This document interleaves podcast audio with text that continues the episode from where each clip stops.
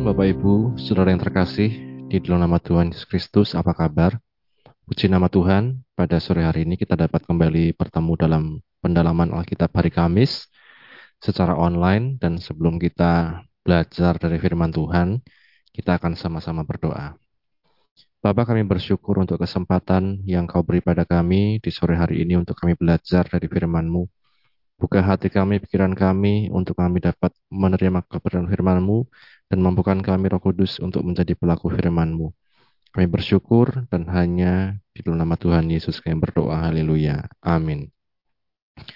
Puji Tuhan, Bapak Ibu Saudara sekalian, di waktu yang lalu kita sudah belajar tentang doa. Dalam seri Kolose, kita belajar bagaimana Paulus menasihatkan tentang doa. Maka di waktu yang lalu saya beri tema doa, doa, dan doa. Kolose pasal 4 ayat yang kedua, Bertekunlah dalam doa dan dalam pada itu berjaga-jagalah sambil mengucap syukur. Berdoa jugalah untuk kami supaya Allah membuka pintu untuk pemberitaan kami, sehingga kami dapat berbicara tentang rahasia Kristus yang karenanya aku dipenjarakan. Dengan demikian aku dapat menyatakannya sebagaimana seharusnya. Jadi kita lihat Paulus menasihatkan kita berdoa, dikatakan bertekun dan berjaga-jaga. Seperti Tuhan Yesus dan para murid juga ketika mereka di Taman Getsemani, Tuhan Yesus katakan berjaga-jagalah dan berdoalah. Roh memang penurut tetapi daging lemah. Nah, kita diminta untuk bertekun dan berjaga-jaga dalam doa dan juga berjaga-jaga sambil mengucap syukur. Mengucap syukur ini membuat kita terus terjaga, membuat kita terus awas tentang segala jawaban doa yang diberikan Tuhan. Jawaban doa Tuhan itu kalau seperti hamba-hamba Tuhan katakan ada ya, ada tidak, ada tunggu. Dan ketika kita diberikan jawaban Tuhan, mari sama-sama kita tetap berjaga-jaga dengan mengucap syukur. Kalau Tuhan ACC, Tuhan katakan ya, kita mengucap syukur. Kalau Tuhan katakan tidak, kita ucap syukur. Kalau Tuhan katakan tunggu dulu, kita tetap mengucap syukur. Nah, firman Tuhan katakan kita perlu berdoa bukan hanya untuk kita sendiri, tetapi dikatakan untuk hamba-hamba Tuhan, untuk pemberitaan Injil, supaya apa? Supaya Tuhan membuka kesempatan, membuka pintu untuk pemberitaan Injil, dan sehingga apa? Kita lihat di sini, sehingga kami dapat berbicara tentang rahasia Kristus yang karenanya aku dipenjarakan. Dengan demikian aku dapat menyatakannya sebagaimana seharusnya. Jadi kita berdoa, misalnya persekutuan doa umum Bapak Ibu itu bukan hanya untuk kita sendiri tetapi untuk kepentingan pemberitaan Injil. Agar Injil diberitakan di mana-mana, kesempatan orang memberitakan Injil itu terbuka, dan Injil diberitakan sebagaimana seharusnya, bukan ditambah, bukan dikurangi. Nah, sore ini kita belajar lagi, Bapak Ibu, di ayat yang kelima, dan ayat yang ke-6. Kita lanjutkan di ayat yang kelima dan ke-6. Hiduplah dengan penuh hikmat terhadap orang-orang luar dan pergunakanlah waktu yang ada. Hendaklah kata-katamu senantiasa penuh kasih, jangan hambar, sehingga kamu tahu bagaimana kamu harus memberi jawab kepada setiap orang. Amin. Berbahagia setiap kita yang membaca, mendengar, yang merenungkan, dan juga yang melakukan firman Tuhan. Setelah kita diminta untuk berdoa, dikatakan hiduplah penuh hikmat.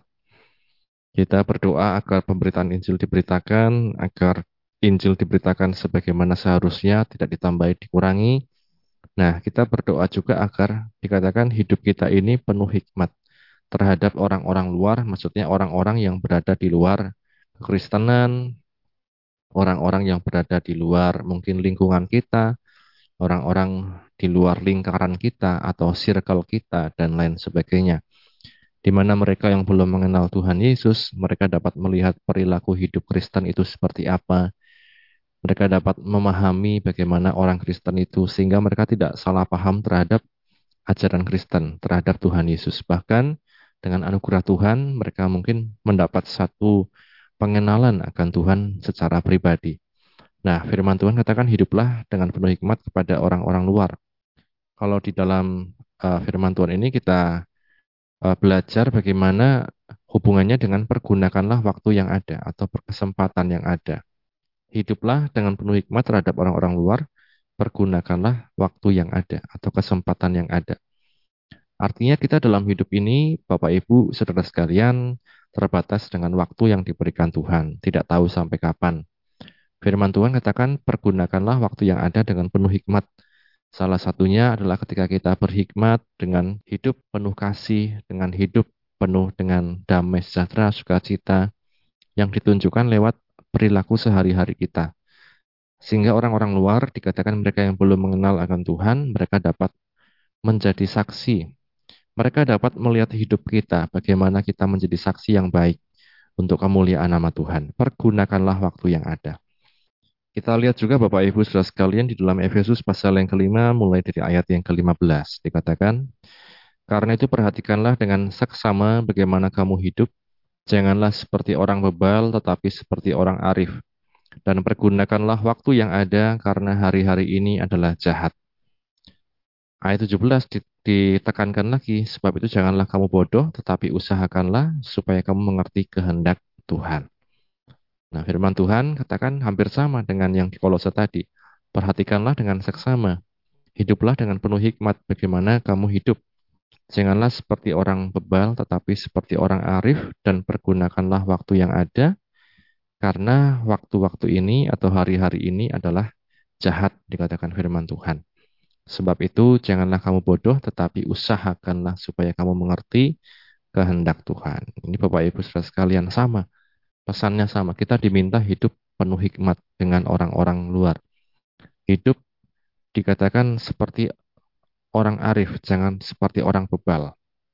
Atau kalau dalam bahasa lain, bebal ini sudah tahu yang baik, sudah tahu yang betul, tetapi kita tetap melakukan yang tidak baik, tetap melakukan yang tidak sesuai dengan kehendak Tuhan. Maka firman Tuhan katakan, hiduplah seperti orang arif, jangan seperti orang bebal dengan mempergunakan waktu yang ada, karena hari-hari ini adalah jahat. Waktu yang ada yang diberikan Tuhan, kesempatan yang ada, mari Bapak Ibu Saudara sekalian kita gunakan untuk kemuliaan nama Tuhan. Menjadi saksi, menjadi terang, menjadi dikatakan oleh firman Tuhan, garam dunia, terang dunia, dikatakan dengan hidup berhikmat. Di ayat selanjutnya, Paulus menekankan bagaimana sih hidup yang berhikmat itu kita lihat di Kolose kembali, Kolose pasal 4 ayat yang ke-6 dikatakan, Hendaklah kata-katamu senantiasa penuh kasih, jangan hambar, sehingga kamu tahu bagaimana kamu harus memberi jawab kepada setiap orang. Ini merupakan satu praktek dari kehidupan yang penuh dengan hikmat.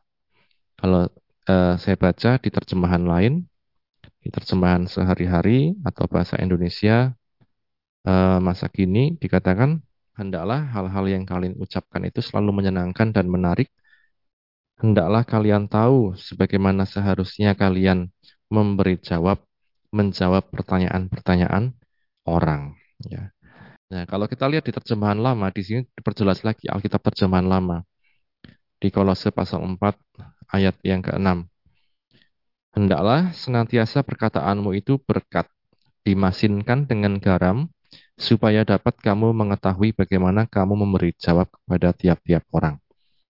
Kalau dalam terjemahan baru dikatakan, hendaklah perkataanmu itu jangan hambar, senantiasa penuh kasih.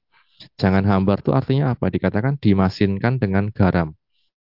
Kalau kita masak, Bapak Ibu, hambar tentu tidak enak ya. Tetapi kalau ditambah garam sedikit, itu menjadi lebih terasa, lebih enak. Demikian juga dengan perkataan. Dikatakan jangan hambar perkataan. Kalau ngomong sama orang, kalau memberi jawab, ya Paulus katakan difokuskan dengan memberi jawab kepada tiap-tiap orang.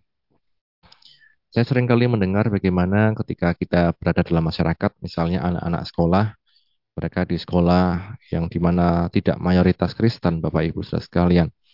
Mereka sering kali mendapat mungkin sedikit diskriminasi, pertanyaan, bulian, bahkan tentang agama mereka, tentang kekristenan. Orang Kristen itu apa sih? Mengapa percaya Tuhan Yesus? Mengapa Yesus disalib? Apakah Yesus mati? Dan lain sebagainya. Nah, firman Tuhan katakan kita harus hidup penuh hikmat. Salah satunya ditunjukkan dengan perkataan kita jangan hambar. Jangan hambar, diasinkan dengan garam. Artinya apa? Kita sebelum menjawab, kita berpikir dulu. Sebelum menjawab, kita minta Tuhan untuk memberikan hikmat. Jangan sampai kita dikatakan menjawab tetapi justru memperkeruh suasana, justru membuat orang tidak tertarik dengan kekristenan. Justru kita mencela, membuli agama lain, dan lain sebagainya. Bapak Ibu saudara sekalian, inilah contoh bagaimana kita hidup penuh dengan hikmat. Ketika hidup bertetangga pun demikian, satu sama yang lain. Ketika berbeda keyakinan, berbeda kepercayaan, dikatakan kita diminta untuk hidup penuh hikmat. Ya, bisa dengan perkataan, terlebih dengan perbuatan Bapak Ibu Saudara sekalian. Ada orang yang mungkin antipati dengan kekristenan, terus kemudian kita memberi berkat, kita mengasihi, kita mungkin memberikan pemberian pada waktu-waktu tertentu, hari-hari tertentu, kita kasih berkat dan lain-lain, sehingga Dikatakan orang menjadi terbuka terhadap kita. Ternyata, oh orang Kristen itu seperti ini. Oh ternyata orang Kristen itu uh, tidak seperti yang dikatakan oleh para pembicara-pembicara yang ekstrim, radikal, dan lain sebagainya. Ternyata orang Kristen itu baik, penuh kasih, ya tidak suka menjelekkan orang, tidak suka membuli, membuli orang, bahkan tidak suka menjelek-jelekan orang lain. Nah ini yang Tuhan inginkan kita perbuat dalam kehidupan kita sehari-hari, Tuhan inginkan kita perkatakan dalam kehidupan kita sehari-hari. Ya, hidup penuh hikmat Bapak Ibu artinya juga tidak mengatakan hal-hal yang tidak penting. Kita lihat di Efesus pasal yang keempat masih tentang perkataan Bapak Ibu saudara sekalian. Di Efesus pasal 4 ayat yang ke-25 karena itu buanglah dusta dan berkatalah benar seorang kepada yang lain karena kita adalah sesama anggota. Kemudian di ayat yang ke-29, janganlah ada perkataan kotor keluar dari mulutmu, tetapi pakailah perkataan yang baik untuk membangun di mana perlu, supaya mereka yang mendengarnya beroleh kasih karunia. Amin. Dikatakan tentang perkataan, Paulus juga katakan yang pertama jangan bohong. Kalau kita mau dipercaya orang, dikatakan firman Tuhan, buanglah dusta. Jangan sembarangan kalau ngomong, jangan menjanjikan sembarangan. Jangan kemudian kita berkata-kata hal-hal yang tidak bisa kita lakukan sendiri. Buanglah dusta. Berkatalah benar. Yang kedua, seorang kepada yang lain karena kita adalah sesama anggota. Jadi ini Bapak Ibu, perkataan yang tidak hambar itu perkataan yang benar, tidak berdusta. Kalau orang berdusta kita lihat dia kembali ngomong kita tidak percaya. Dia pernah berdusta, dia kembali ngomong kita tidak percaya. Ah paling bohong, hambar jadinya. Ah paling rasanya seperti itu. Hambar. Ah paling cuma bohong, cuma lamis gitu ya kalau orang katakan. Kemudian yang kedua dikatakan jangan ada perkataan kotor keluar dari mulutmu tapi pakailah perkataan yang baik untuk membangun di mana perlu supaya mereka yang mendengarnya beroleh kasih karunia. Di era zaman sekarang di mana orang gampang sekali berkata-kata yang tidak baik, gampang sekali mencela, gampang sekali kemudian mencaci maki. Firman Tuhan inginkan jangan ada perkataan kotor. Ini yang dikatakan firman Tuhan. Artinya perkataan kita itu dikatakan itu mempengaruhi. Dikatakan kotor itu ya seperti baju kotor Bapak Ibu, seperti kemudian lantai yang kotor ya, anak-anak muda dan lain-lain. Dilihat perkataannya, jangan sampai kotor. Jangan ada perkataan kotor, caci maki, sumpah serapah keluar dari mulutmu, tetapi pakailah perkataan yang baik untuk membangun di mana perlu, supaya mereka yang mendengarnya beroleh kasih karunia. Cara paling mudah untuk membangun adalah dengan perkataan. Kalau kita perkataannya positif, baik, itu akan membangun semangat, membangun motivasi. Tapi kalau sebaliknya, justru akan meruntuhkan. Maka nasihat firman Tuhan dikatakan dalam Yakobus pasal 3 ayat yang kedua, sebab kita semua bersalah dalam banyak hal, barang siapa tidak bersalah dalam perkataannya adalah orang sempurna yang dapat juga mengendalikan seluruh tubuhnya. Kita mengenakan kekang pada mulut kuda sehingga ia menuruti kehendak kita dengan jalan demikian ia dapat juga kita dapat juga mengendalikan seluruh tubuhnya dan lihat saja kapal-kapal, walaupun amat besar dan digerakkan oleh angin keras, namun dapat dikendalikan oleh kemudi yang amat kecil menurut kehendak jurumudi. Demikian juga lidah, ayat yang kelima. Demikian juga lidah, walaupun suatu anggota kecil dari tubuh, namun dapat memegahkan perkara-perkara yang besar, lihatlah betapapun kecilnya api, ia dapat membakar hutan yang besar. Ayat 6, lidah pun adalah api ia merupakan suatu dunia kejahatan dan mengambil tempat di antara anggota-anggota tubuh kita sebagai sesuatu yang dapat menodai seluruh tubuh dan menyalakan roda kehidupan, sedang ia sendiri dinyalakan oleh api neraka. Ayat 7, semua jenis binatang liar, burung-burung serta binatang-binatang menjalar, dan binatang-binatang laut dapat dijinakkan dan telah dijinakkan oleh sifat manusia. Tetapi tidak seorang pun yang berkuasa menjinakkan lidah. Ia adalah sesuatu yang buas, yang tak terkuasai, dan penuh racun yang mematikan. Ayat 9, dengan lidah kita memuji Tuhan Bapa kita, dan dengan lidah kita mengutuk manusia yang diciptakan menurut rupa Allah. Dari mulut yang satu keluar berkat, dari mulut yang satu juga keluar kutuk. Hal ini, saudara-saudaraku, tidak boleh demikian terjadi. Adakah sumber memancarkan air tawar dan air pahit dari mata air yang sama? Saudara-saudara, adakah pohon ara dapat menghasilkan buah zaitun dan adakah pohon anggur dapat menghasilkan buah ara? Demikian juga mata air asin tidak dapat mengeluarkan air tawar. Nah, maka Bapak Ibu sekalian, firman Tuhan katakan dengan lidah ini kita dapat membangun, kita dapat juga meruntuhkan. Kita dapat membuat orang menjadi damai sejahtera, tetapi di sisi lain dapat juga membuat orang khawatir luar biasa. Firman Tuhan katakan, pergunakan lidah dengan baik. Pergunakan perkataan dengan baik. Kita mungkin dalam hal, uh, kita mungkin hari-hari ini menghadapi berbagai macam permasalahan, menghadapi berbagai macam tekanan yang tidak sesuai dengan keinginan kita dan lain-lain. Firman Tuhan katakan jaga perkataan kita, jaga lidah kita. Jangan sembarangan berbicara. Karena dari perkataan ini dikatakan bisa keluar hal yang baik, bisa keluar hal yang buruk. Artinya sumbernya dari mana? Kalau dalam uh, Matius ya, Tuhan Yesus katakan sumbernya dari hati. Kalau kita ingin perkataan kita bersih, dikatakan hati ini yang dibereskan. Ya, hati ini yang dibereskan. Kita lihat bersama-sama dalam Matius pasal 15 di ayat yang ke-18. Tetapi apa yang keluar dari mulut berasal dari hati dan itulah yang menajiskan orang. Karena dari hati timbul segala pikiran jahat, pembunuhan, persinahan, percabulan, sumpah palsu, pencurian, dan juga hujat. Ini Bapak Ibu sekalian ayat 20. Itulah yang menajiskan orang, tetapi makan dengan tangan yang tidak dibasuh tidak menajiskan orang. Dari dalam hati dikatakan timbul segala hal yang jahat. Ayat 18 tadi saya katakan, dikatakan firman Tuhan, tetapi apa yang keluar dari mulut berasal dari hati. Ya, dikatakan di ayat yang ke-18, tapi apa yang keluar dari mulut berasal dari hati dan itulah yang menajiskan orang. Jadi kita Bapak Ibu sekalian dikatakan kalau kita perkataannya kotor, sedikit-sedikit berkata binatang, sedikit-sedikit berkata sumpah serapah dan lain-lain yang dibereskan apanya? Bukan kita pasang gembok di mulut ya, tetapi yang dibereskan hatinya. Kita mau pasang selotip di mulut, lakban di mulut, tapi hatinya kotor, tetap yang di pikiran kita akan kotor. Yang keluar dari hati kita akan kotor. Tetapi dikatakan kita bersihkan hati kita. Dengan apa? Dengan firman Tuhan. Maka saya katakan bacalah firman Tuhan tiap hari. Itu seperti membersihkan kita. Membersihkan hati kita. Kita mungkin tidak mudeng tetapi kita baca tiap hari. Dibersihkan, dibersihkan tiap hari. Dari hal-hal yang kotor. Nah, karena dari dalam hal yang kotor itu dikatakan itulah yang menajiskan orang. Itu yang timbul, dikatakan timbul segala pikiran jahat, pembunuhan, persinahan, percabulan, pencurian, sumpah palsu, hujat. Itu semua menajiskan orang.